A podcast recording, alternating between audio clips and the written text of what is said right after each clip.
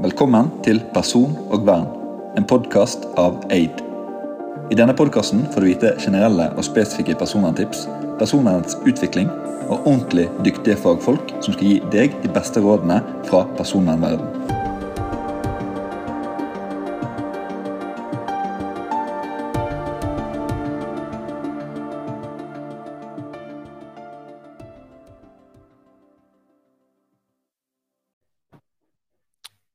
Velkommen til en ny episode av eh, Person og vern. Mitt navn er fremdeles eh, Daniel Osen, og jeg er personvernrådgiver i Aid. Og i dag har vi med oss eh, en annen personvernrådgiver som vi har vært så heldige å få snakket med tidligere. Og velkommen til deg, først og fremst. Tusen takk.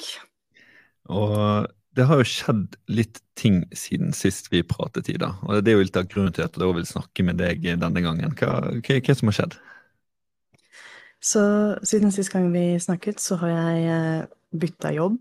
Um, sist gang vi snakket, så var jeg senior manager i Suprasteria, som er et, um, et IT-firma og et uh, konsulenthus. Um, og siden sist gang vi snakket, så har jeg da starta for meg sjøl. Det er sånn to dager siden, sånn offisielt. Og så har jeg også begynt i et prosjekt som jeg vil snakke mer om her i dag, som er et prosjekt for uh, KS hvor vi gjør en nasjonal DPI-a av Google Workspace for Education i skolen. Eh, og det er en DPI-a, en personvernkonsekvensvurdering, som vi håper at eh, skal være veldig nyttig for eh, kommuner som skoleeiere. Fordi at det er notorisk ganske vanskelig å gjøre personvernkonsekvensvurderinger av, av store systemer fra store skyleverandører. Og ja, så det er bare noen av de mange tingene som har skjedd siden sist gang vi snakket sammen. Ja, her er det et tog i 200, 200 km i timen, eh, hører jeg. Og en DPIA, eh, eller en person med en konsekvensvurdering, hva, hva er egentlig det? Ja, det er, eh, det er, mange ting, men jeg kan jo begynne med at det først og fremst er et krav, noe du må gjøre hvis du skal behandle personopplysninger hvor det er høy risiko for brudd på den registrertes rettigheter og friheter. Da er det et krav etter personvernlovgivningen vår, eh, GDPR artikkel 35, at du skal gjøre en, en personvernkonsekvensvurdering. Og det du skal vurdere i en sånn vurdering, det er uh, om det er uh, sant, høy risiko for, uh, for brudd på den registrertes rettigheter og friheter. Og så skal du komme opp med tiltak, med, med risikoreduserende tiltak, som skal gjøre den behandlingen eh, mer i tråd med regelverket. Og det er også sånn at sant, hvis du ikke klarer å senke risikoen ned til et nivå som er sant, at det ikke er høyt, så må du da åpne det som heter for forhåndsdrøftelse med Datatilsynet.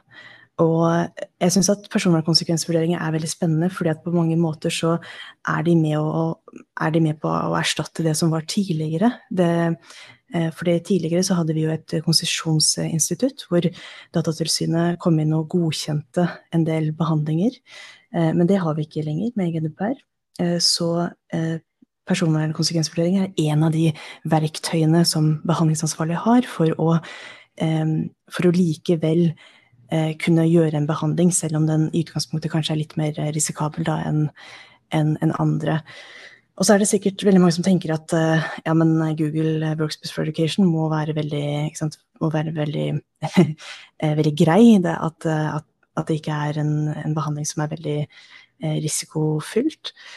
Eh, og det kan godt stemme.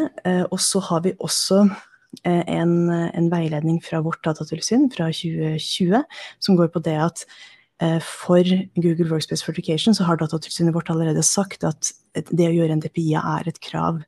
Og det, denne veiledningen fra Datatilsynet vårt den kom jo da etter en del tilsyn hos kommuner som brukte bl.a. Google Workspace for, for Education, hvor de så at her var det en del kommuner som ikke hadde gjort de vurderingene de skulle. da.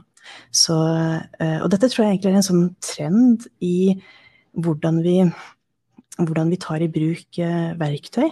At vi ofte tenker at dette verktøyet her, dette digitale verktøyet, det skal på en måte løse alle våre problemer. Og så tar vi ikke helt og tenker gjennom hva som skal til på vår side når vi tar dette her i bruk. Altså F.eks. For, for et stort, et stort verktøy fra en større skyleverandør, så må du f.eks.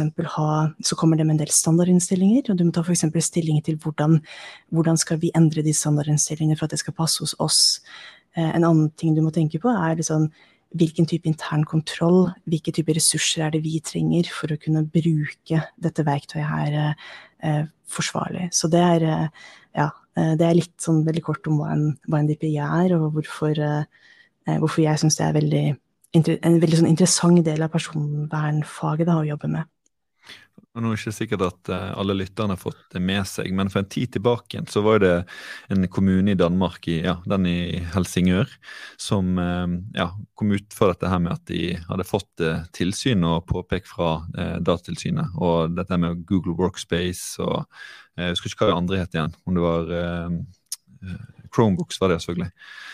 Ja. Der eh, man hadde fått sånn påpekning angående akkurat dette her. Eh, så det er jo viktig at eh, altså Det andre jeg tenkte på, var jo det her med NOU 2022-11. Det med digitalisering mm. i mhm. skolen. Og til og med forsidebildet yes. på NOU-en er jo et barn som tror jeg har en iPad eller en datamaskin foran seg, hvis jeg husker riktig. Så det er på en måte det første som popper mm. opp i hodet mitt. Det er den aktuelle saken der i Danmark. Og så er det Norges offentlige utredninger 2022 i november som, som kom, da.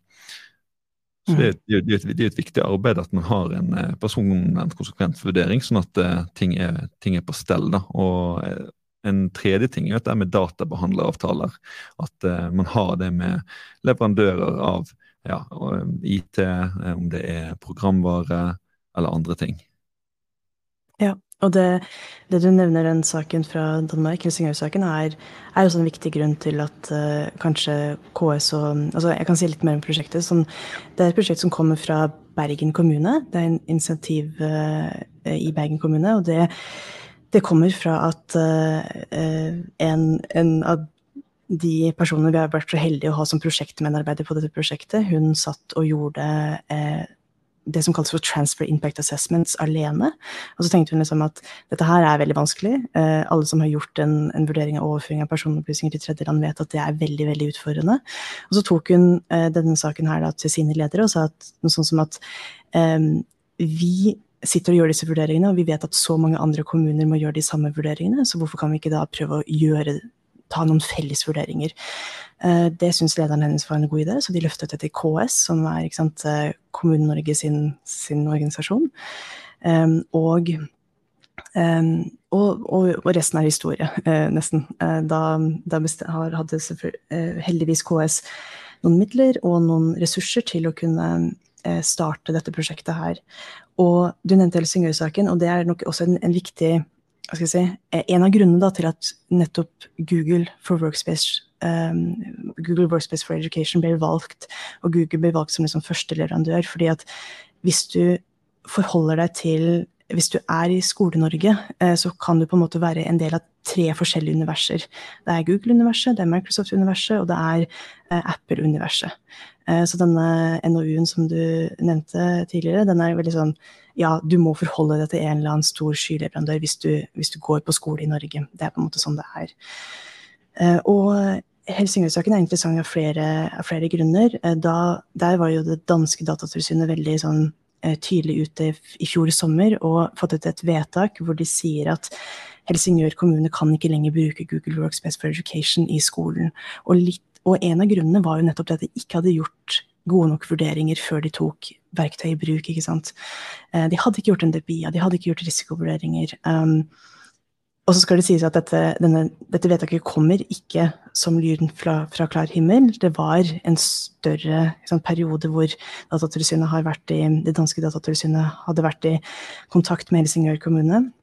Um, men saken er fortsatt ikke ferdig, da, fordi at selv om Helsingør kommune etter hvert fikk adgang til å bruke løsningen Eh, videre, så er ikke saken helt ferdig. Um, og Du nevnte også det med databehandleravtaler, og det var et annet liksom, interessant poeng i den saken. At en annen grunn, eh, kanskje ikke hovedgrunnen, men sant, en annen grunn til at, den, eh, til at eh, det, danske datatilsynet eh, fått et forbud der, var også eh, Google sin standard databehandleravtale, hvor det danske datatilsynet stilte spørsmål ved om er den såpass vag at, at du kan at det er usikkert om Google bruker personopplysninger til egne formål. Og vi som er personvernrådgivere, vi vet at liksom en gang du har en databehandler som bruker personopplysninger til egne formål, så er det et lite rødt flagg, fordi at da eh, da kan du stille spørsmål med er databehandleren virkelig databehandleren din. ikke sant? Um, for databehandlere skal jo bare behandle personopplysninger på vegne av og instruks fra deg. Um, men det er jo også et litt sånn hva skal jeg si, um, litt tilbake til hvorfor det er vanskelig å gjøre DPI-er og denne type vurderinger. Det er, en, det er, en, maktforskjell mellom en kommune og Google som stor, uh, et stort teknologifirma. Og det er uh, ikke nødvendigvis veldig ikke uh, Google har en standarddatabehandleravtale du egentlig må godkjenne, må godta hvis du skal bruke tjenestene deres. Det er ikke veldig mye forhandlingsrom Eh, for deg som kunde, for deg som, som, kommune. Så det er også en annen grunn til at vi gjør denne vurderingen her nå som en fellesvurdering, ikke sant. Fordi at da, da kan vi i større grad få eh, til en, en dialog med, med, med, Google. Og det er også et av de valgene vi har tatt i dette prosjektet her, er å vi skal samarbeide tett med Google. Um, man kan kritisere det valget. Jeg tror det er riktig på nåværende tidspunkt. Uh, og så får vi, og så er det også litt sånn, Dette er første gang vi gjør dette her, så vi får også liksom, litt sånn se hvordan det går. Men uh, vår erfaring til nå, det er for at nå har vi, vi hatt dette prosjektet gående siden mars i år. Um, og etter planen så skal det gå til ut mars neste år også. Uh, og det er egentlig veldig, veldig positive erfaringer vi har hatt med, med, denne, med denne tilnærmingen. Så ja, det Men det blir igjen Eh, ja, vi har en lang vei å gå, da, så det blir også spennende å se hva Ja. Mm. ja, ja for, for, når du sier at det er Bergen kommune, så blir jeg nesten så stolt at jeg like, like før jeg synger nystemten Bergens nasjonalsang eh, live Det er sånn to, to, ting jeg tenker på. er sånn, Hvorfor Bergen kommune, og hvorfor Google? på en måte. For det, det er jo sånn som du nevner, mm. Eh, man må jo være med i et eller annet univers. For hvis du ikke er med i det universet når du er i skoleverket, så mister man eh, så mange verktøy og så mye gode tilgjengeligheter, gode programvarer som skal gjøre det lettere og mer pedagogisk eh, å ja, undervise, rett og slett. Um, så, så, hva er grunnen til at liksom, det er Bergen av alle byer, og så hvorfor Google? Det kan sikkert de som er med på prosjektet fra Bergen snakke liksom, tydeligere om, men, men, la meg prøve å utbrodere det litt. Um, så Eh, Bergen kommune var en av de kommunene som Datatilsynet var på tilsyn i, i forkant av denne eh, 2020-veilederen på Google Workspace for Education. Da heter Google G Suite for Education, men det er liksom samme, samme, samme systemet, da.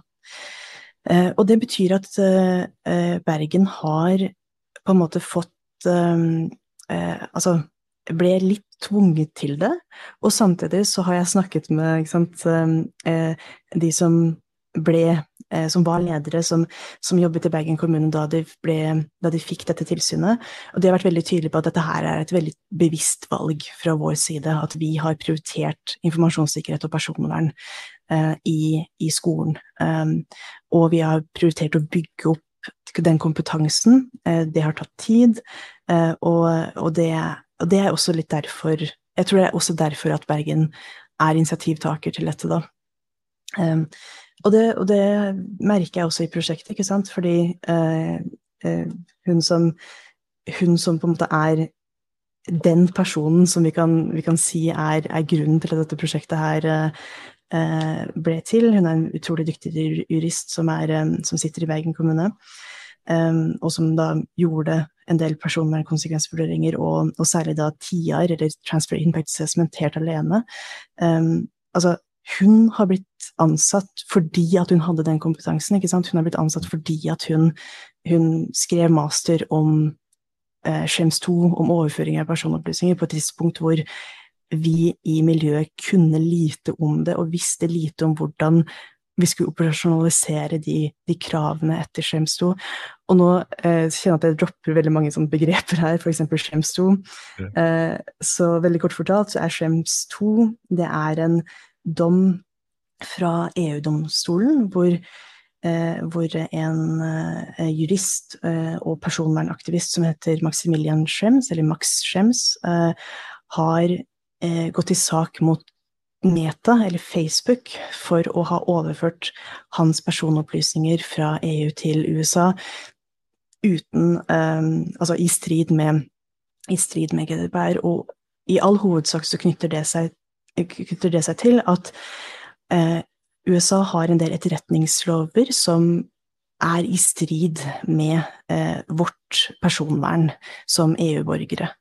Eh, fordi at de lovene, i hvert fall noen av dem, gjør det enklere for amerikanske etterretningsmyndigheter å få ut informasjon om såkalt altså, altså non-US persons, eh, mm. som vi EU-borgere som regel er, med mindre vi har liksom, permanent oppholdstillatelser eller visse typer oppholdstillatelser i USA. Da. Eh, så det er veldig sånn og, den dommen setter noen setter noen nye krav til hva som skal til for å kunne overføre personopplysninger ut av EU-EØS. Eh, og hun heter hun, hun, som, hun som er grunnen til at dette prosjektet er til, hun Eh, hun har spesialkompetanse på det, og hun satt i Bergen kommune med disse problemstillingene.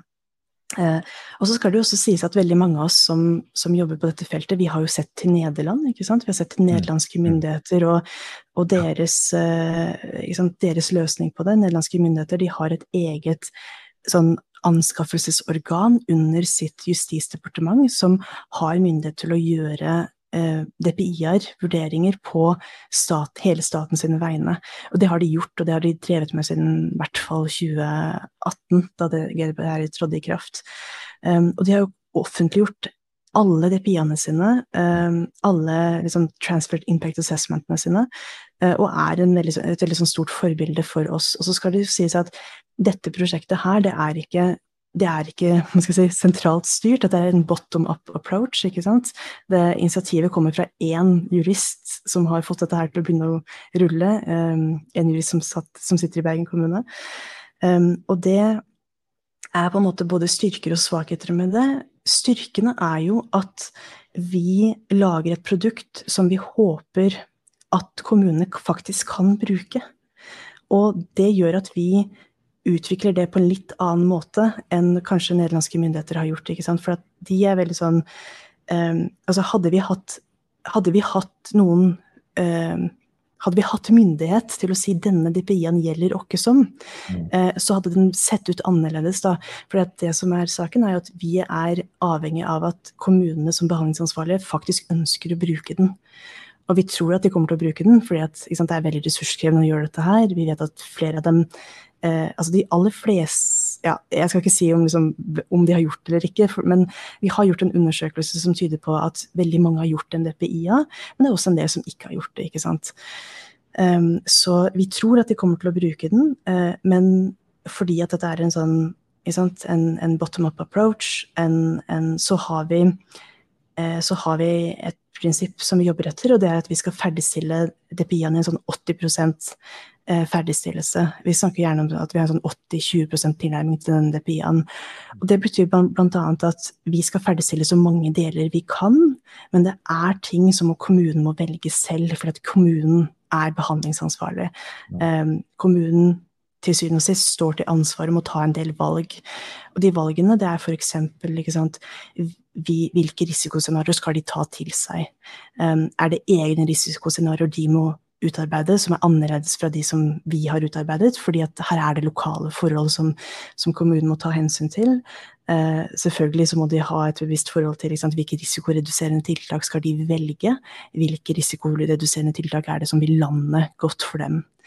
Så ja, eh, det er veldig sånn Ja, det er veldig kort om hvordan, hvordan vi har tenkt det, da, og, og litt, litt, sånn hva som, hva som skiller vår DPI-a fra en mer sånn sentral um, en sånn sentral løsning. Mm. Mm.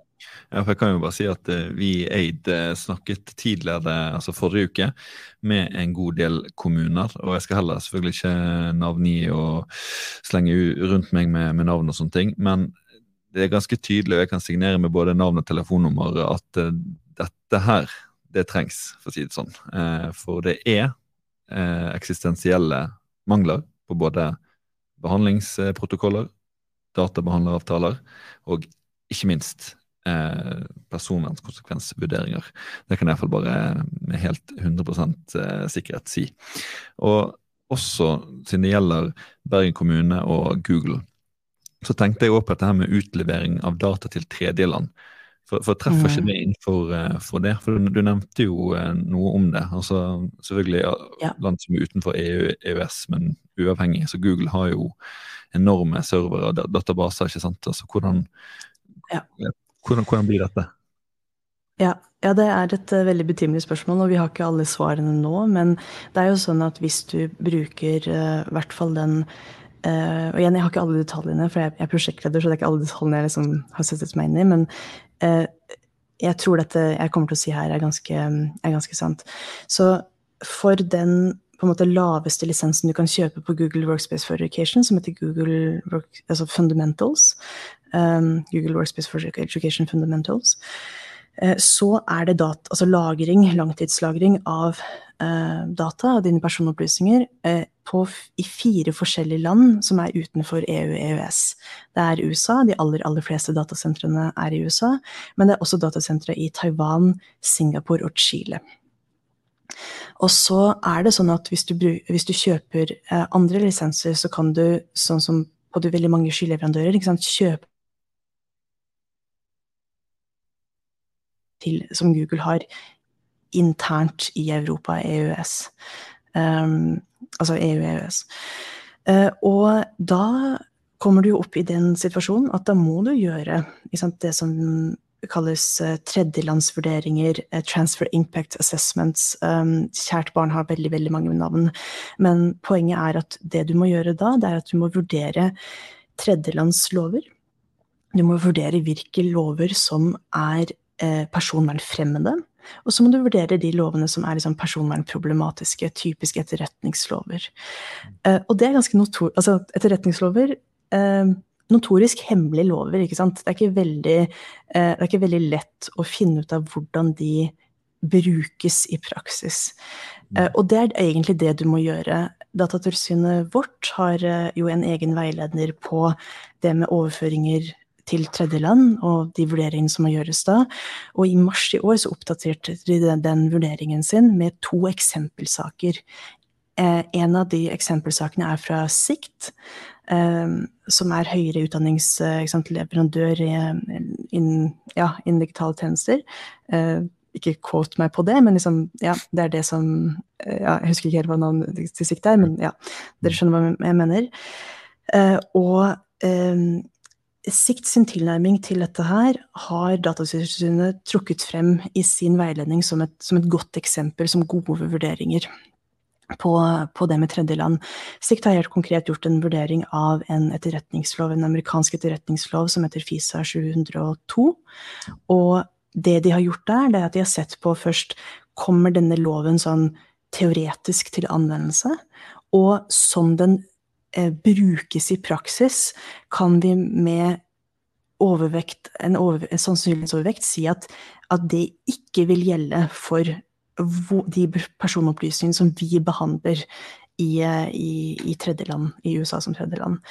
Og hvis du kan svare ja på det, at, at, at, det ikke eh, den, den, brukes ikke i praksis på den måten, den anvendes ikke i praksis på, den, eh, på disse dataene, eh, så kan du gjøre overføringen og, den vil være lovlig uten veldig, veldig mange eh, ekstra sant, sikkerhetstiltak. Fordi eh, sant, vi, vi, kjenner igjen denne her eh, konstellasjonen fra andre ting. At du, du, gjør vurderinger, og så ser du er, sant, er denne loven såpass problematisk at vi må sette inn ekstra sikkerhetstiltak for å skjerme dataene og, og på den måten gjøre, gjøre overføringen lovlig.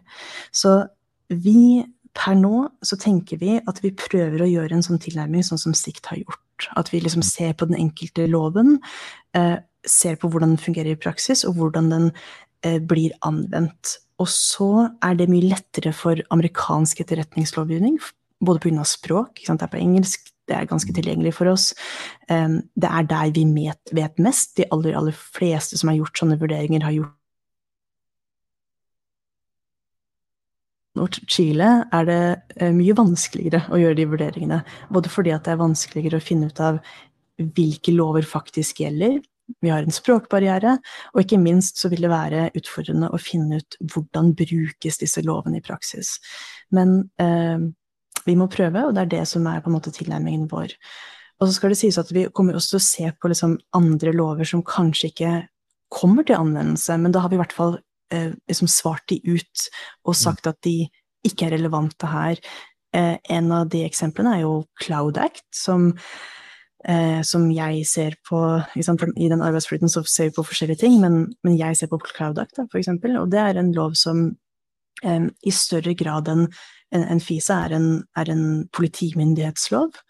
Um? Og da, da, er det ikke sikkert at den kommer til anvendelse, fordi at når du har sant, uh, lover knytta til hvilke personopplysninger som politimyndigheter kan få ut, så har du andre sikkerhetsmekanismer i form av at en dommer må kunne signere på en warrant, ikke sant.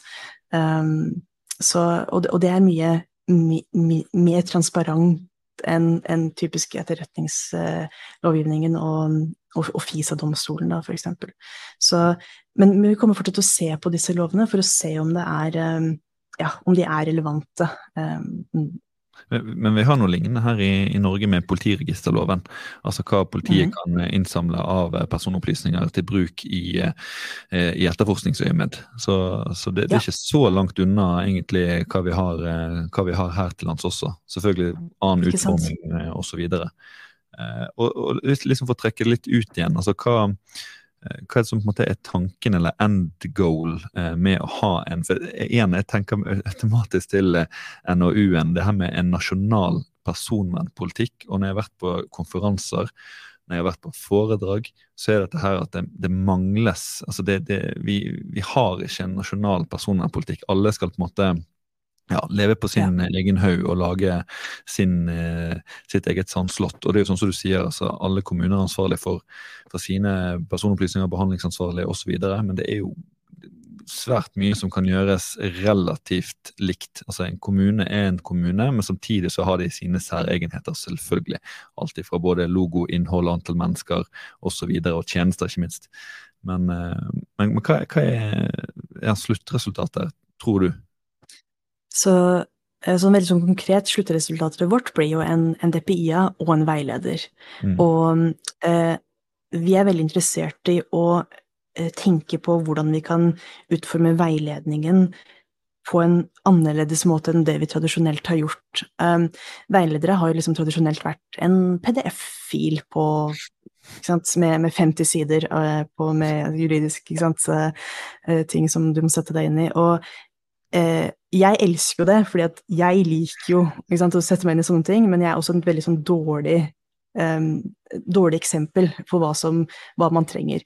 Uh, veldig dårlig data point of one, uh, som jeg pleier å si. Uh, så vårt resultat vil jo bli en, en, DP, en DPIA i en 80% liksom ferdig versjon som kommunen kan adoptere, og så vil det være en, en sånn eh, smørbrødliste på hvordan går du frem for å gjøre denne DPI-en her til din egen. Hva skal du gjøre, eh, du som blir satt til å eh, til å, eh, til å, gjøre DPI-er i, i, kommunen din. Og her så har vi en arbeidshypotese om hvem, hvem de folka er som sitter og gjør DPI-er i kommunen. Enten så har du blitt ansatt til å gjøre det, og da, sant, da har du kanskje den faglige bakgrunnen, du har kanskje gjort det tidligere, du er Eh, du er engasjert i det, du, du, du, skjønner hva du skal gjøre. De folka er jeg mye mindre bekymra for. De jeg er mer bekymra for, er den andre, den andre delen, altså igjen arbeidshypotesen min. De som har blitt satt til å gjøre det. De som har fått dette som oppgave, kanskje for at ingen andre har kunnet gjøre det. Eh, det er ikke nødvendigvis folk som har, sant, har den faglige bakgrunnen, eller som har gjort det før. Um, og selv om du kan altså Selv om du har erfaring på det, så er det å jobbe med personvern og informasjonssikkerhet en ganske ensom jobb veldig ofte. Ofte er du den eneste i virksomheten din som egentlig eh, som kan det, eller, eller, eller skjønner greia. Eh, kanskje du ikke engang skjønner greia, ikke sant. For at du har blitt gjensatt til å gjøre det. Eh, men uansett så er det en veldig ensom jobb. Så det vi har tenkt med denne veiledningen, er jo at vi skal komme inn og være, liksom, være din dine personvernrådgivere. Vi skal, vi skal, den veiledningen, tanken med den, er at vi skal holde deg i hånda gjennom hele, hele, hele veien til at du har fått sant, eh, godkjent EPI-en internt, eh, du har, fått, du har, bestemt hvilke hvilke risikoreduserende tiltak som dere skal implementere, og uh, du har fått de implementert.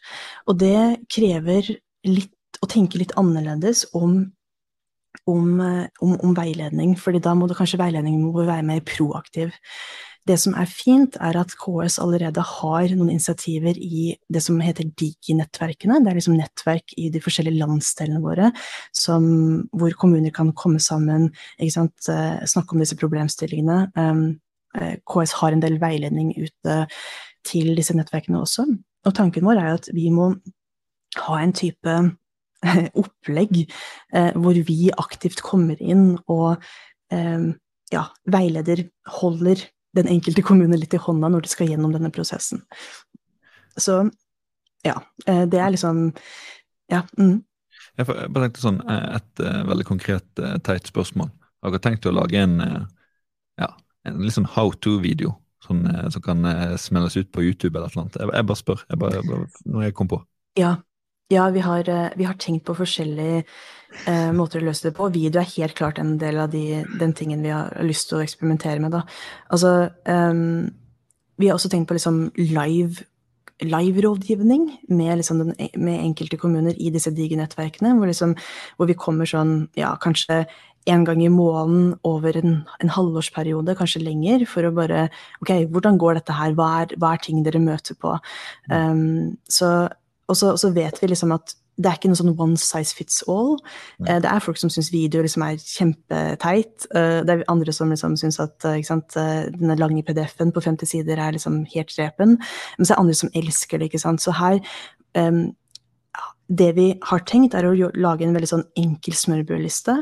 Og så mm. vil det være steder der hvor du kan dykke dypere ned og få mer veiledning hvis du trenger det.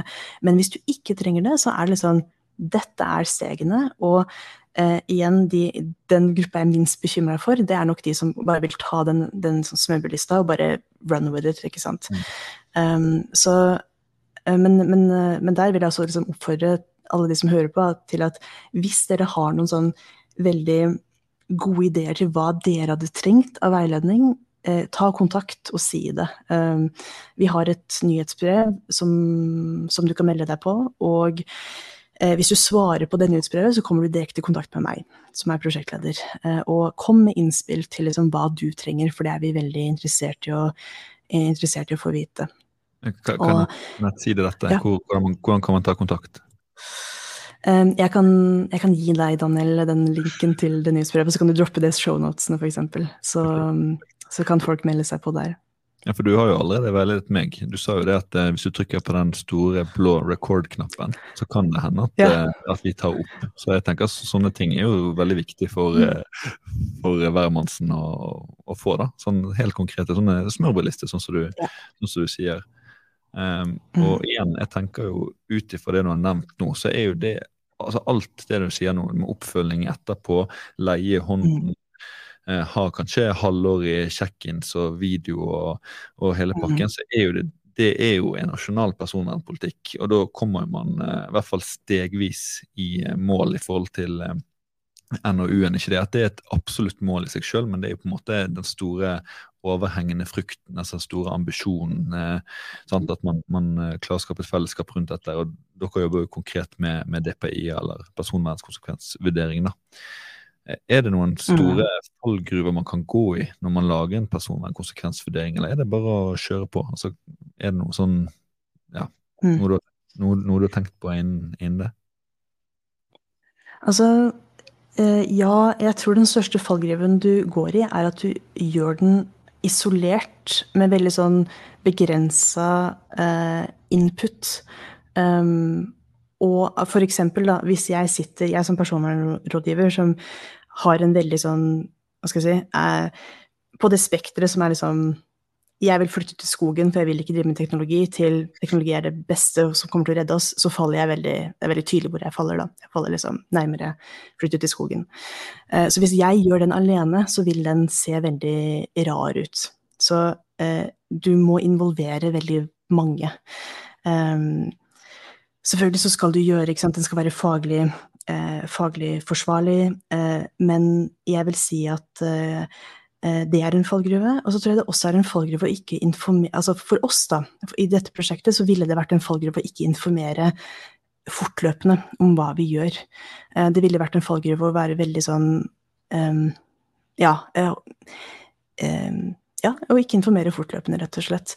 Hele sånn, kommunikasjonsstrategien vår er ganske enkel. Den kan liksom oppsummeres at hvis du følger med på sant, dette nyhetsbrevet, hvis du følger med på hva vi gjør eh, For vi er ganske Vi gjør flere ting. Vi har to LinkedIn Lives, ett om sånn, det generelle med prosjektet, og et veldig, veldig spesifikt med, med, overføring av personopplysninger til utlandet. Hvor vi prøver å dele veldig tidlig hva vi tenker om om DPI-en. Det er også derfor jeg er her i dag, ikke sant.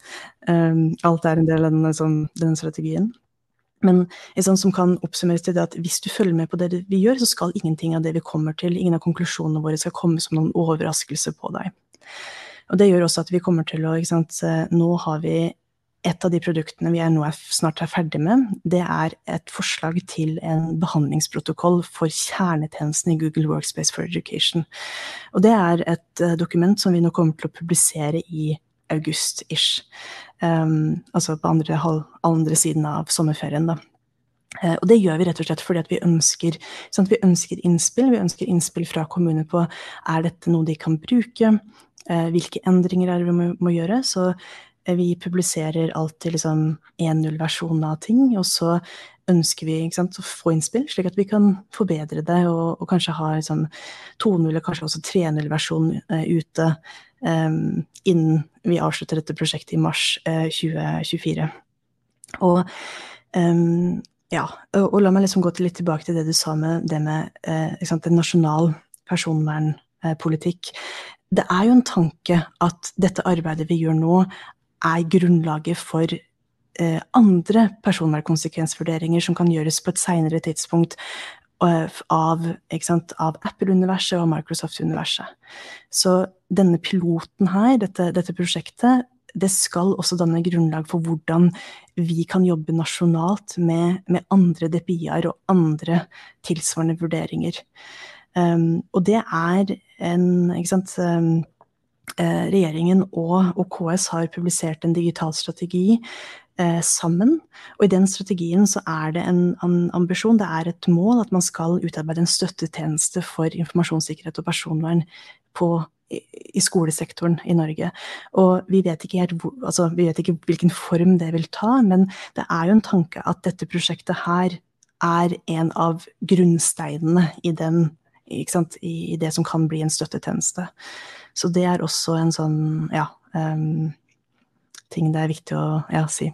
så, så, så, nevnte du dette med behandlingsprotokoll eller behandlingsoversikt. og Til mm. eh, dere lytter som ikke har fått med dere det, så er det en oversikt over personopplysninger og systemer som eh, virksomheten har. Eh, og jeg vil jo si at det danner et slags grunnlag, eller det danner et grunnlag for å skrive en, eh, en personvernskonsekvensvurdering. For at Hvis du har oversikt over hvilke opplysninger du behandler, hvor lenge de lagres, ja. hvilke systemer man bruker, underleverandører. Ja, så har man eh, en, en god startposisjon, i alle fall for eh, personvernkonsekvensvurderingen. Absolutt. Og, det er litt sånn Grunnen til at vi også gjør det, er at det er akkurat som du sier, Daniel, det er del én av en DPIA er en systematisk beskrivelse av behandlingsaktivitetene. Og for å gjøre det, så må du nesten ha en, en, en oversikt over det du gjør, ergo en, en behandlingsprotokoll. Og helt til slutt da nå, så er det sånn litt sånn overhengende spørsmål. Trenger alle, absolutt alle virksomheter en eh, eh DPI-er? Jeg, jeg er vant med å bruke PVK, litt sånn fornorsket ord. Jeg tok det studiet ja. med Datatilsynet i 2021, så fornorsket vi det til PVK. Men eh, ja, en personvernskonsekvensvurdering. Trenger alle det? Absolutt alle?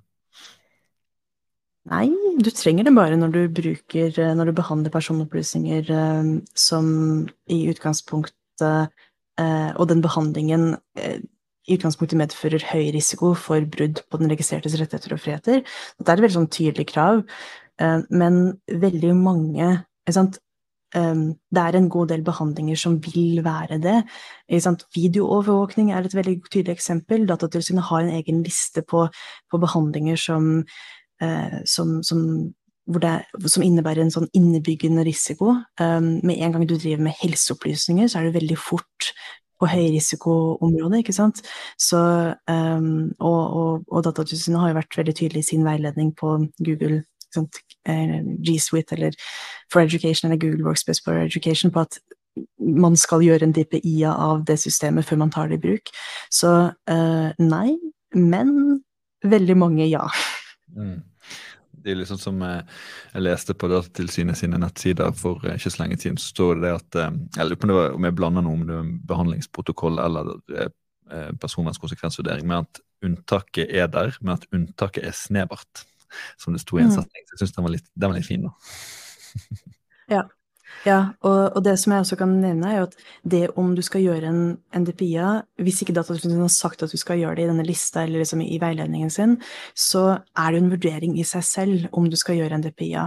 Mm. Og da er det en rekke ikke sant, igjen, Datatilsynet har en momentsliste som du skal gå gjennom, øh, og hvor du må vurdere det. Og øh, sant, på den momentslista så har du det som sånn hvor, hvor hvor stor mengde av personopplysninger er det du behandler? Er de, faller inn under særlig kategori, altså sant, helseopplysninger eller eh, religiøs tilhørighet, seksuell orientering osv.? Um, behandler du personopplysninger om barn eh, mm. eller andre sårbare grupper? Det taler for at det er høy risiko, ikke sant? sånn at det er en egen vurdering også. ja. Supert. Eh, tusen takk for at du ville komme og snakke med oss i eh, Aid, Ida. Tusen takk for at dere dere ba meg komme. Så kan jeg bare si det at uh, Til alle som har lyttet nå, så er det gjerne bare til å sjekke ut det prosjektet som Ida holder på med. Jeg kommer til å legge en link i uh, episodebeskrivelsen, sånn at man kan komme innspill til det utrolig flotte arbeidet som gjøres nå med en nasjonal personvernskonsekvensvurdering, spesielt opp mot da, Google og Google Workspace og hva, hva det heter, G-Unit uh, Fundamentals? Nei. Det heter eh, Google Workspace for Education. Uh, det het tidligere Google G Suite for Education, men Google Workspace for Education er det det heter nå. Stemmer. Så da legger jeg en link i episodebeskrivelsen og på gjenhør. Skal jeg finne den der stoppknappen, jeg. Det er sikkert like vanskelig som å finne den recording.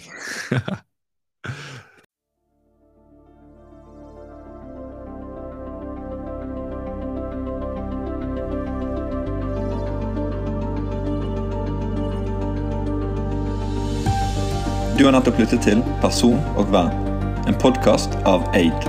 Har du innspill, ris, ros eller vet om noen som burde gjeste vår podkast? Send en e-post til hello, alfakrøll, aid.tech. Hello, alfakrøll, aid.tech. På gjenhør